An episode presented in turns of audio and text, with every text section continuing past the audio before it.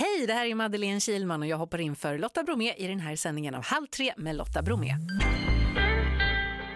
Igår så blev det klart att det blev SM-guld till BK Häcken i Allsvenskan. Robin Karlander har varit Häcken-supporter i 40 år var tidigare ordförande i supporterklubben Getingarna. Hej Robin! Hejsan! Får man säga grattis kanske? Det får du gärna göra. Var, var du på plats igår eller? Ja, jo, det är klart. Herregud. Eh, Den eh, skulle man väl inte missa för eh, en som man har på sin... Även om man hade legat på dödsbädden så hade man nog fått rulla in med det. Men du låter ändå bra. Jag tänkte att du skulle vara jättehes, men nej.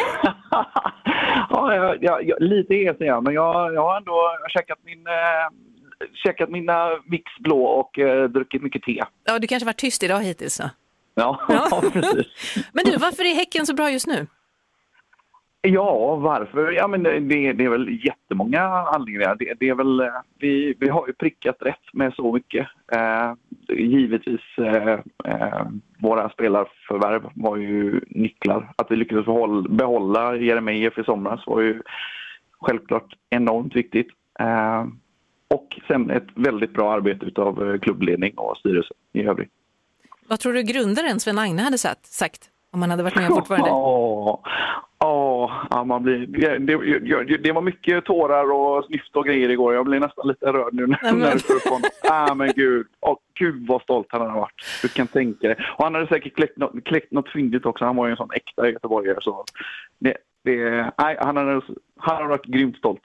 40 år har du varit Häcken-supporter. Hur många halsdukar har du slitit ut under de här åren? Oj du, just det. Ja, jag har faktiskt kvar den, den första jag fick. Jag, jag spelade knattefotboll i, i, eh, ja, i laget eh, och eh, vet det, vann, när jag var åtta år eller någonting så vann jag någon trickningstävling och fick min första halsduk. Den har jag fortfarande kvar. Är den Men, inramad eller? Ja, den, den är inte använd så mycket men det, nu är det en klenod som, som ligger väl förvarad så den tas bara fram på, för tillsyn och, och putsning och avdamning. Vilken har varit säsongens bästa stund? Förutom just igår då kanske när det blev klart allting. Ja, jösses. Men alltså, eh, det, det var nog ändå Malmö-matchen på eh, Bravida, matchen innan den här. Den var fantastisk. Det, det, har, det har nog aldrig varit så otroligt bra stämning på, på någon match tidigare på, eh, när Häcken har spelat. Eh, det, det var ju så enormt spännande också när vi fick en man mindre och ändå lyckades klara det. Nej, den var symfonisk. Blir det vinst mot IFK Norrköping nu då, sista omgången? Eller spelar ingen roll längre? Eller?